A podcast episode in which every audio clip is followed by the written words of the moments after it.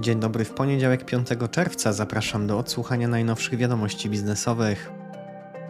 Biznes Update to codzienne informacje biznesowe. Odsłuchaj przed pracą i zacznij dzień z przewagą.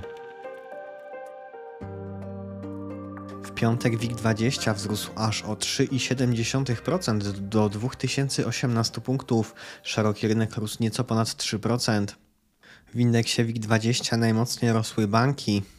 mBank prawie 8%, Alior 7%, Santander około 6% do góry. W Stanach główne indeksy około 1,5% na plusie w reakcji na zakończenie niepewności związanej z pułapem zadłużenia Stanów Zjednoczonych i mocnymi danymi z amerykańskiego rynku pracy. W piątek wieczorem umacniał się złoty, euro potaniało do 4,48, dolar do 4,19. Gospodarka i makroekonomia. Jak wynika z uzasadnienia do ustawy o waloryzacji świadczenia na dziecko, planowane jest wprowadzenie przepisów, na podstawie których wypłata świadczenia 800 plus będzie mogła zostać dokonana nie później niż do 29 lutego przyszłego roku z wyrównaniem od dnia 1 stycznia. W ocenie skutków regulacji podano, że koszt podniesienia świadczenia z 500 do 800 zł oszacowano na nieco ponad 24 miliardy złotych w pierwszym roku. Założono, że liczba dzieci uprawnionych do otrzymania świadczenia w przyszłym roku to około 6 milionów 700 tysięcy. W kolejnych latach koszt ten ma nieco spadać ze względu na spadek liczby uprawnionych dzieci. Współczynnik dzietności za ubiegły rok wyniósł w Polsce 1,26 i jest najniższy od 9 lat. Według ekonomisty Rafała Mundrego, aby występowała zastępowalność pokoleń, wskaźnik ten powinien wynosić około 2,2. W 1990 roku współczynnik wynosił 1,99 i od tamtej pory spada. Ministerstwo Funduszy i Polityki Regionalnej zarezerwowało 7 miliardów złotych na inwestycje w rozwój szerokopasmowego internetu. Jak powiedział szef resortu Grzegorz Puda, chcemy, aby każdy dom, szkoła, obywatel w Polsce mieli dostęp do szybkiego internetu o przepustowości minimum 300 MB na sekundę.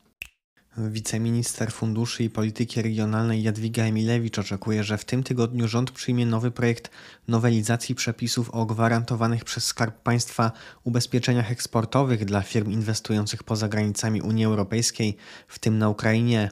Celem jest zwiększenie przejrzystości operacji udzielanych przez KUKE na rynku ukraińskim. Wiadomości z Unii Europejskiej. Według szacunków Bloomberga inwestorzy z krajów azjatyckich sprzedali w zeszłym roku europejskie obligacje o wartości około 39 miliardów dolarów, najwięcej od 2005 roku podczas gdy japońskie fundusze były jak dotąd nabywcami netto, w tym roku wydały około pół miliarda dolarów na zakupy, najmniej w pierwszym kwartale od 6 lat. EBC ostrzega, że odejście od środowiska niskich stóp procentowych w Japonii może przetestować odporność światowych rynków obligacji.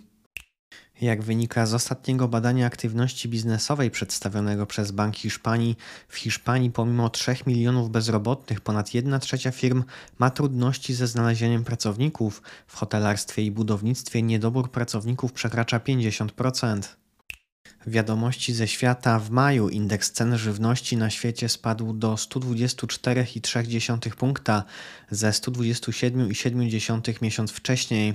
Majowy spadek indeksu był wspierany przez znaczące spadki indeksów cen olejów roślinnych, zbóż i nabiału, które zostały częściowo zrównoważone przez wzrosty indeksów cukru i mięsa. Niektórzy członkowie Fed sugerują wstrzymanie się od podwyżki stóp procentowych na najbliższym posiedzeniu w czerwcu, wskazują jednak, że podwyżki mogą być kontynuowane jeszcze w tym roku. Jamie Dimon, dyrektor naczelny JP Morgan Chase, zasugerował w środę swoją potencjalną kandydaturę na prezydenta, mówiąc Bloomberg News: Może pewnego dnia będę służył mojemu krajowi w takim czy innym charakterze. Dimon deklaruje, że w sercu jest demokratą, ale umysł ma republikański. Inwestorzy z całej Azji ankietowani przez Bloomberg uznali rosnący w Chinach poziom zadłużenia komunalnego za największe ryzyko finansowe regionu w tym roku. Rośnie rywalizacja o kontrolę nad Arktyką w miarę topnienia lodu polarnego. Rosja chce sobie podporządkować ten region, Chiny chcą stworzyć polarny jedwabny szlak, a NATO wraz z Finlandią i być może wkrótce Szwecją zwiększyć swoje wpływy na dalekiej północy.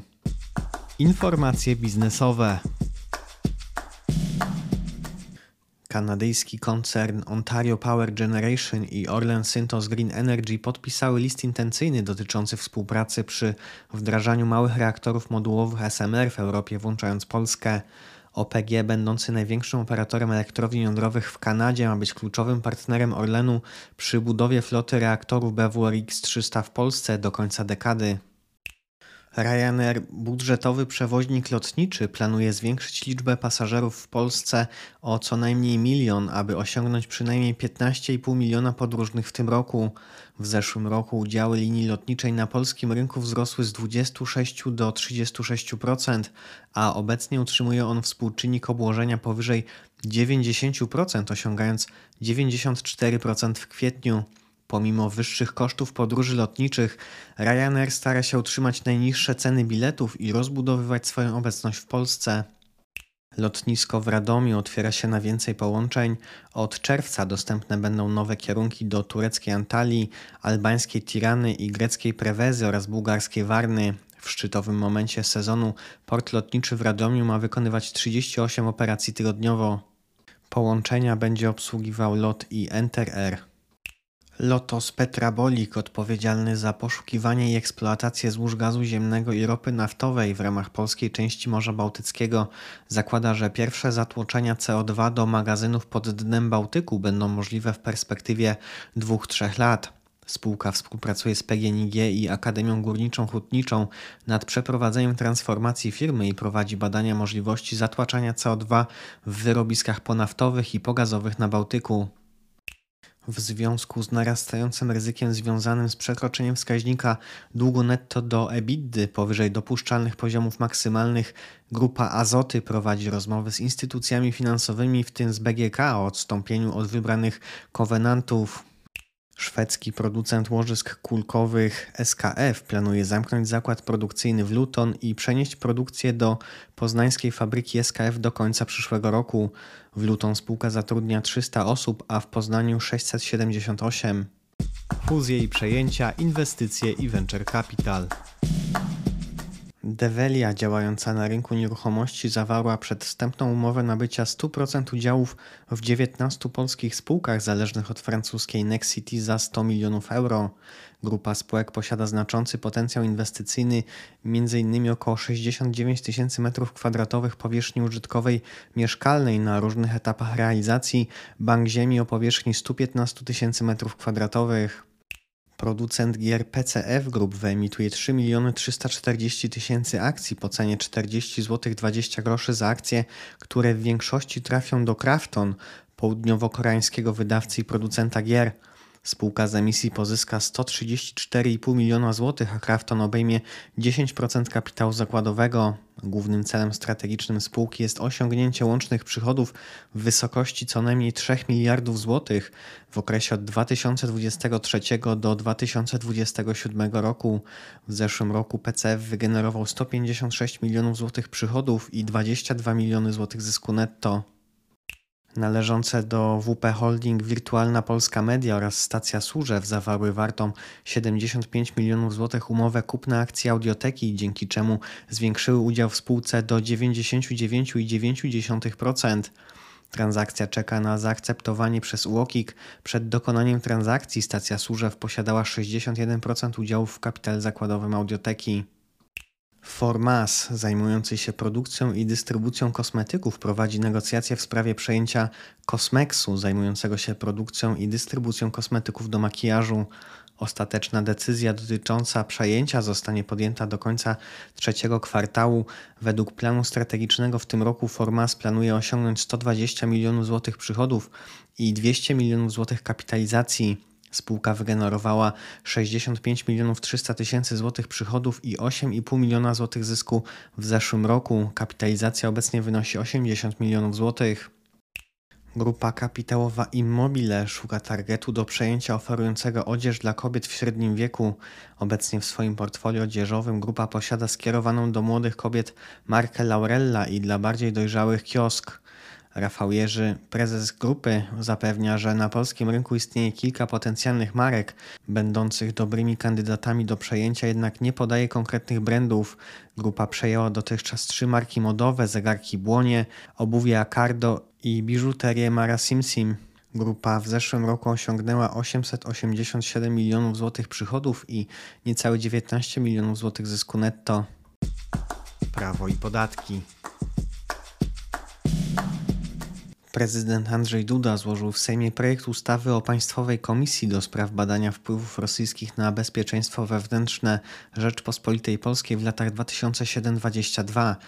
Ustawa wprowadza zmiany do ustawy, którą wcześniej podpisał i skierował w trybie kontroli następczej do Trybunału Konstytucyjnego. Trybunał Konstytucyjny orzekł, że Sąd Najwyższy nie ma kompetencji do sprawowania kontroli nad wykonywaniem przez prezydenta prawa łaski. Sprawa dotyczyła ułaskawienia przez prezydenta pana Macieja Wąsika oraz Mariusza Kamińskiego, pomimo że nie zostały wydane prawomocne wyroki skazujące za przekroczenie uprawnień urzędniczych. Sejm podjął pracę nad uchwaleniem przepisów nowelizujących proces planowania i zagospodarowania przestrzennego w zakresie rozwoju branży OZE, w szczególności w zakresie usytuowania instalacji fotowoltaicznych. Agencja Rozwoju Przemysłu zwolniła byłego szefa oddziału w Tarnobrzegu, powołując się na brak zaufania związany z programem Fabryka. Jednak sąd stwierdził, że argumentacja ARP była nieuzasadniona i uznał zwolnienie za bezzasadne, co potwierdził również sąd drugiej instancji, odrzucając apelację agencji. Ministerstwo Finansów wyjaśnia, że przedsiębiorcy, którzy w poprzednim roku podatkowym rozliczali się skalą podatkową, nie są zobowiązani do rozliczania w PIT zwrotu nadpłaty składki zdrowotnej wynikającej z rozliczenia rocznego. Dyrektor Krajowej Informacji Skarbowej uznał, że przedsiębiorca może ująć w koszty działalności wydatki potwierdzone dokumentem wystawionym przez portal internetowy zawierający zestaw zawartych transakcji. Naczelny Sąd Administracyjny orzekł, że w przypadku, gdy zleceniodawca oferuje w ramach zawartego z przedsiębiorcą kontraktu bonusy, np. bilety, vouchery, ubezpieczenia, które są przez niego w całości finansowane, stanowią dla wykonawcy umowy przedmiot opodatkowania jako nieodpłatne świadczenie osiągnięte w związku z wykonywaniem pozarolniczej działalności gospodarczej. Wiadomości z Unii Europejskiej Parlament Europejski przyjął stanowisko w sprawie zasad uwzględnienia praw człowieka i wpływu na środowisko w zarządzaniu przedsiębiorstwami. Celem proponowanych przepisów jest przeciwdziałanie pracy dzieci, pracy niewolniczej, wyzyskowi pracowników, zanieczyszczeniu, degradacji środowiska i utracie różnorodności biologicznej. Planuje się wprowadzenie sankcji w postaci grzywny w wysokości co najmniej 5% obrotu netto firmy, jeśli nie zastosuje się ona do nowych przepisów. Unia Europejska przystąpiła do konwencji stambulskiej, która ma na celu ochronę kobiet przed wszelkimi formami przemocy oraz zapobieganie, ściganie i eliminowanie przemocy wobec kobiet i przemocy domowej. Unia Europejska przyjęła system jednolitego patentu. System umożliwia przedsiębiorcom uzyskanie jednego jednolitego patentu na ich wynalazki, ważnego we wszystkich uczestniczących w systemie państwach członkowskich. Zastępuje to konieczność korzystania z krajowych przepisów i procedur patentowych oraz umożliwia pominięcie bardziej kosztownych krajowych wymogów w zakresie walidacji mających zastosowanie do patentów europejskich. System obejmie początkowo 17 państw członkowskich wytwarzających około 80% PKB Unii Europejskiej. W przyszłości mogą do niego przystąpić kolejne państwa członkowskie.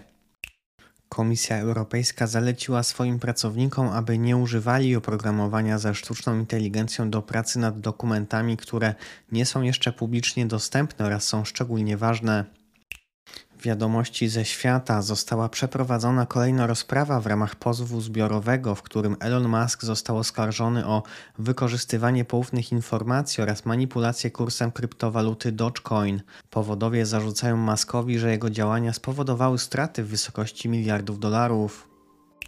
To już wszystko w podcaście Dane rynkowe i wyniki finansowe w prasówce, na którą można zapisać się na businessupdate.pl. Jeżeli serwis jest pomocny, będziemy wdzięczni za polecanie go oraz oceny na platformach do podcastów. Ja życzę Państwu owocnego poniedziałku i całego tygodnia. Do usłyszenia jutro.